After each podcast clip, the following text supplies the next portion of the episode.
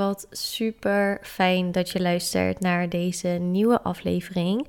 Mijn naam is Romane en je luistert naar Your Inner Glow, de podcast omtrent zelfliefde, persoonlijke groei, in je eigen kracht staan en nog veel meer. Ik ben heel erg blij dat je er bent en ik ben een tijdje afwezig geweest. Ik denk nu twee maanden in deze twee maanden is er ontzettend veel gebeurd in mijn leven. En ik kon het gewoon niet opbrengen om een podcast op te nemen of eigenlijk iets productiefs te doen. Mocht je me volgen op Instagram, Edith Romane is mijn Instagram. Uh, je vindt het ook in de podcastomschrijving. Dan weet je dat ik twee maanden geleden mijn vader ben verloren. Ik ben ook eigenlijk een beetje spraakloos. Um, het is heel erg moeilijk. Echt heel erg moeilijk. Dit is niet de eerste keer dat ik met rouw te maken heb gekregen. Vier jaar geleden overleed mijn oma. En toen vond ik het ook al zo intens, zo heftig en heel moeilijk. Um, maar dit is wel echt een ander level. Het is toch een ouder die je verliest op jonge leeftijd. Ik ga er niet veel op in. Ik denk dat ik nog um, wel een aflevering ga maken over rouwen. Alleen nu is het nog zo vers dat ik het nog even laat. Ik zit dus nu op dit moment echt in een proces van emoties voelen. Echt allerlei soorten emoties. Verdriet, woede, onbegrip, leegte. Ik heb nog nooit zoveel verschillende emoties door elkaar gevoeld. Elk moment is eigenlijk wel weer anders. Rouwen is echt een proces waar je doorheen gaat. Ik wilde dit met je delen omdat dit eigenlijk ook een aanleiding is voor deze podcastaflevering, namelijk de kracht van overgave. Overgave is eigenlijk jezelf letterlijk overgeven aan de situatie aan de emoties, volledig de controle loslaten op het leven, op jezelf. De afgelopen drie maanden zijn er dingen gebeurd waar ik 0,0 controle over heb gehad. It happened. Vooral de afgelopen maand merkte ik dat ik mezelf helemaal niet overgaf aan wat er allemaal was gebeurd. Dat is logisch, want als zoiets heftigs gebeurt, dan zit je een periode vaak in een soort van onbegrip, in ontkenning. En daar zat ik heel erg in van dit kan toch niet gebeuren en overkomt mij dit nou? Ik liet niet alles zijn zoals het was. En ik liet mezelf ook niet zijn zoals ik me op dat moment voelde. Ik weet het belang van alles voelen, alle emoties er laten zijn. Een van mijn eerste podcastafleveringen was ook It's okay not to be okay. Ik zeg ook altijd tegen iedereen, tegen mijn cliënten, tegen mijn vriendinnen: It's okay not to be okay dat gevoel had ik ook de afgelopen maanden van ik laat elke emotie er zijn. Ik wil niks opkroppen. Ik wil er niet van wegrennen. Want ik weet dat het dan in meervoud weer op je bord belandt. En als je wil huilen, huil. Als je wilt schreeuwen, schreeuw. Ik merkte dus de afgelopen tijd dat ik toch onbewust in een soort innerlijk gevecht met mezelf was beland. En elke dag was het weer hetzelfde. En elke dag voelde ik me negatief. Had ik veel emoties. En eigenlijk was het dag in, dag uit voor de afgelopen twee maanden. Ik merkte deze week dat ik dus niet mezelf negatief liet zijn. Ik zei ook een paar keer tegen dierbaar van: ik herken mezelf niet. Deze gebeurtenis heeft mij zo geraakt, wat super logisch is. Alleen ik laat mezelf niet negatief zijn, want ik ben iemand die altijd alles vanuit positiviteit bekijkt. Die een soort perspectief brengt waarin ik een les kan uithalen. Ik weet dat het leven zit vol met lessen. Ik zie altijd heel snel al de les. En ik zie al heel snel van oké, dit is er gebeurd. Ik voel het, ik doorvoel het. En ik leer er wat van. Alleen nu in een situatie van iemand verliezen en rouw, daar zit geen les. Daar zit geen oplossing. We leven in een maatschappij waarbij we alsmaar willen oplossen.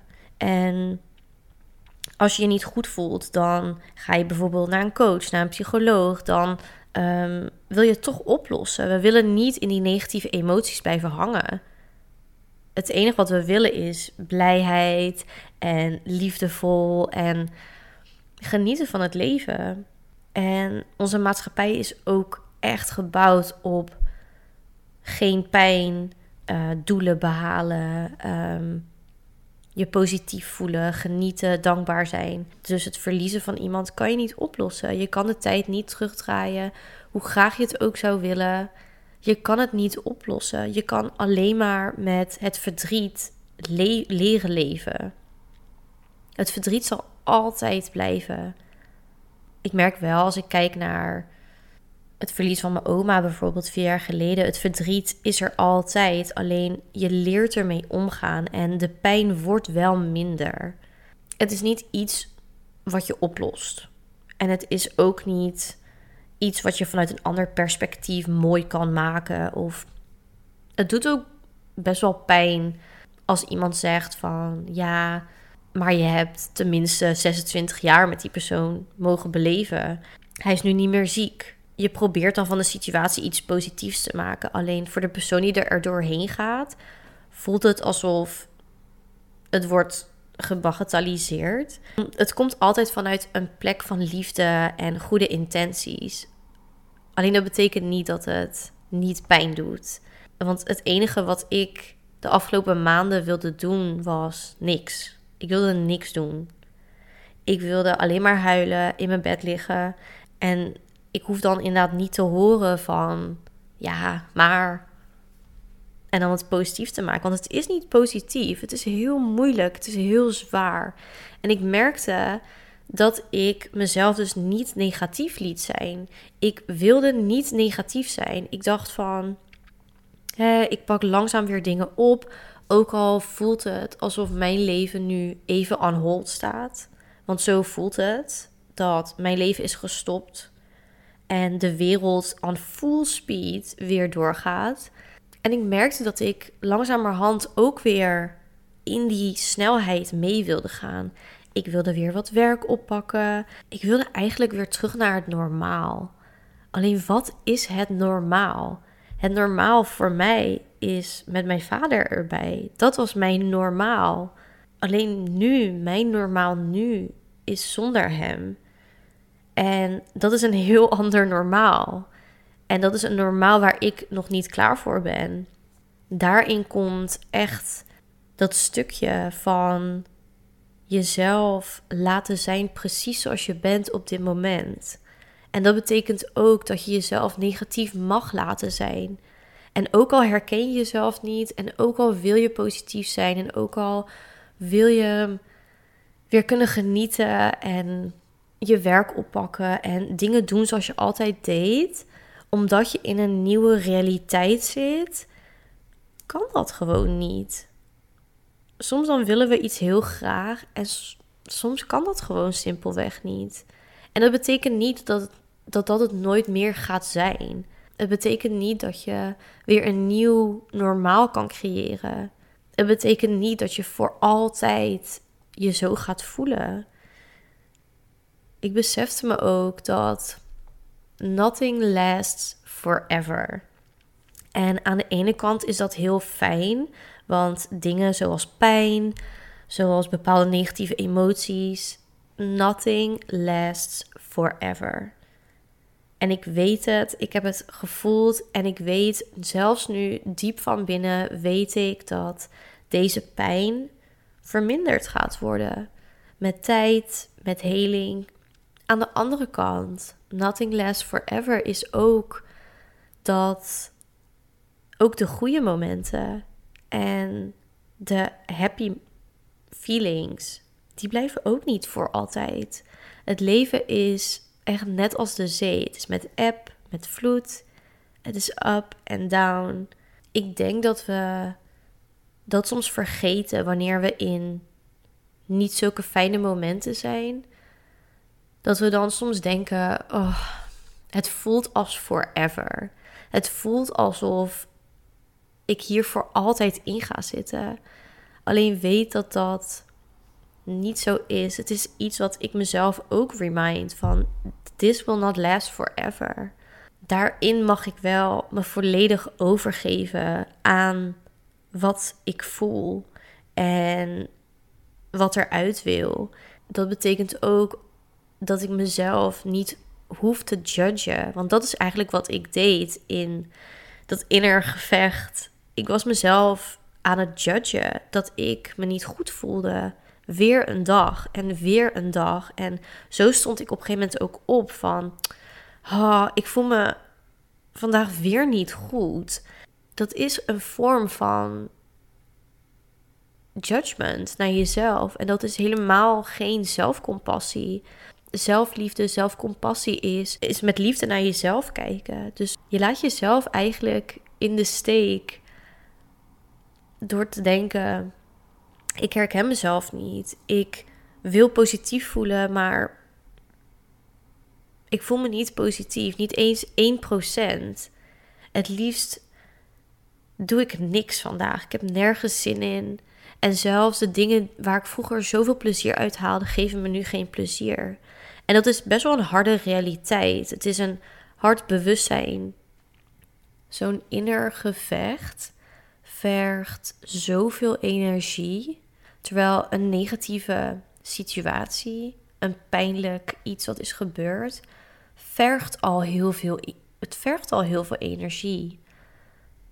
Dus als je daarin ook nog weerstand creëert naar de situatie, naar de negatieve gevoelens, dan vergt het nog meer energie. En op een gegeven moment, twee weken geleden, werd ik ziek.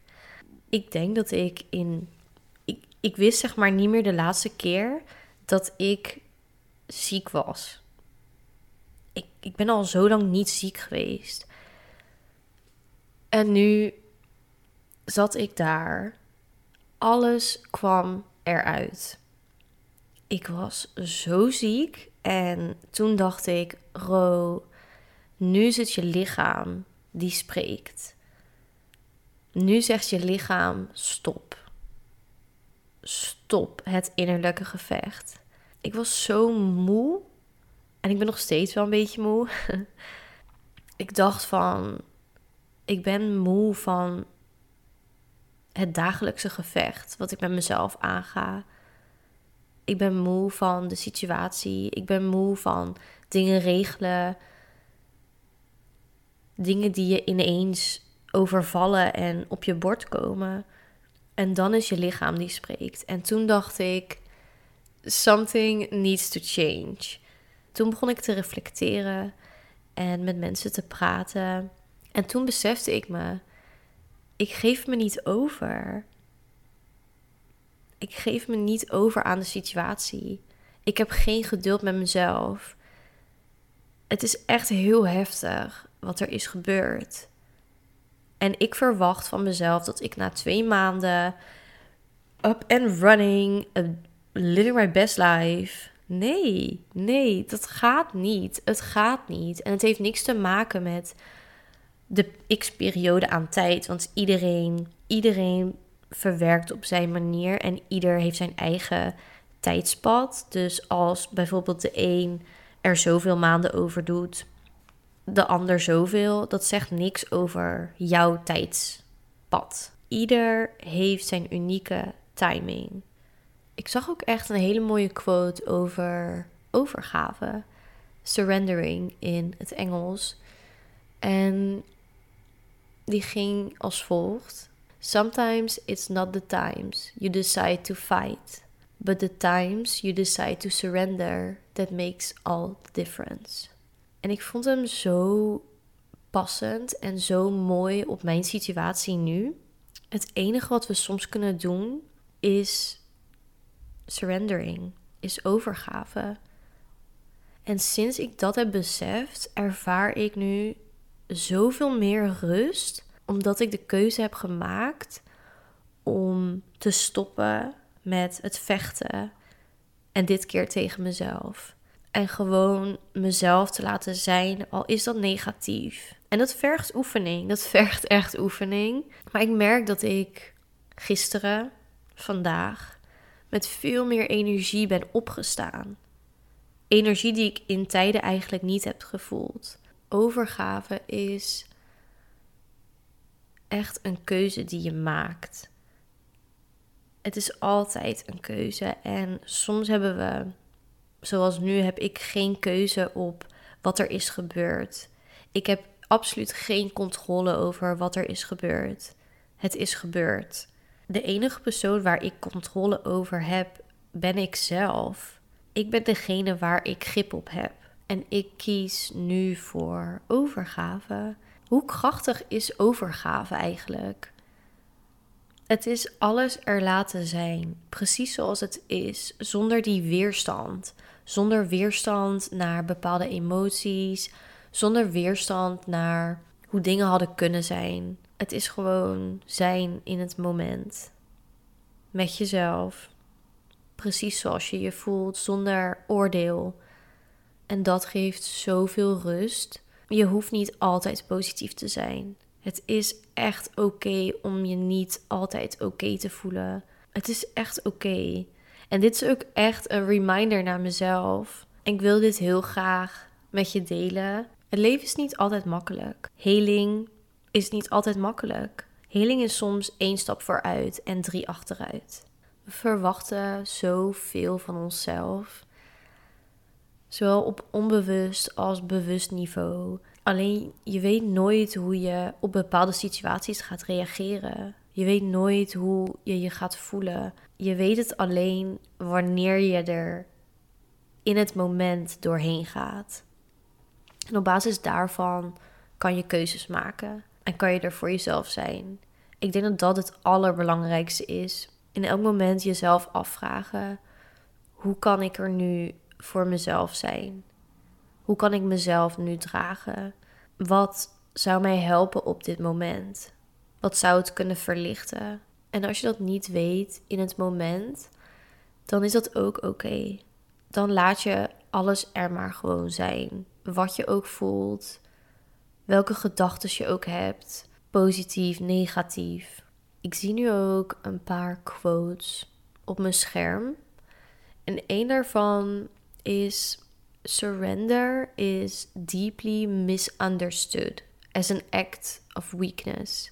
Surrender is the bravest and most lucid thing a human ever does. And that's why it's so precious to the divine. Jezelf overgeven aan iets is geen zwakte.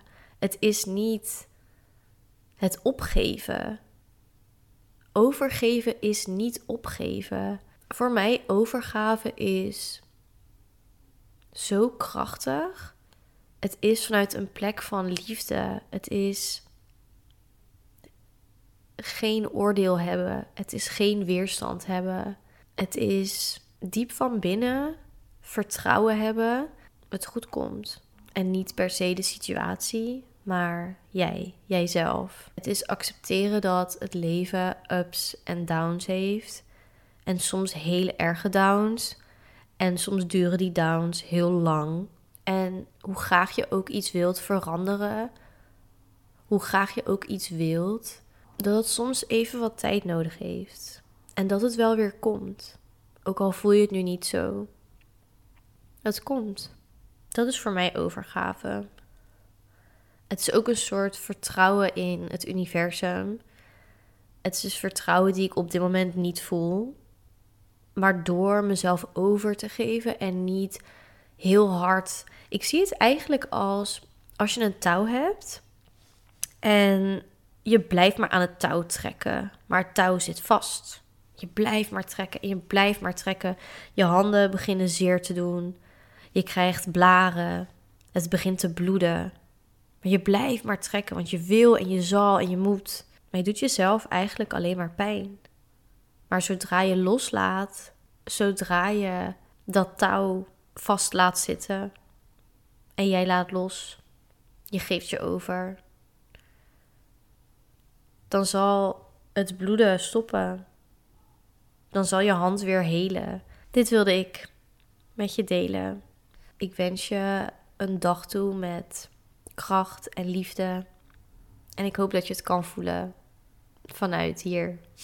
en mocht je nou persoonlijke hulp nodig hebben met bijvoorbeeld overgave of andere moeilijke negatieve emoties, of wil je nou meer kracht, meer liefde voor jezelf en meer vertrouwen in jezelf hebben, dan kan dat. Ik bied namelijk één op één coaching sessies aan. Die kan je vinden op yourinnerglow.nl. En je mag me altijd ook een DM sturen mocht je vragen hebben. I'm here for you. en dan uh, spreek je snel in de nieuwe podcastaflevering. Bye bye.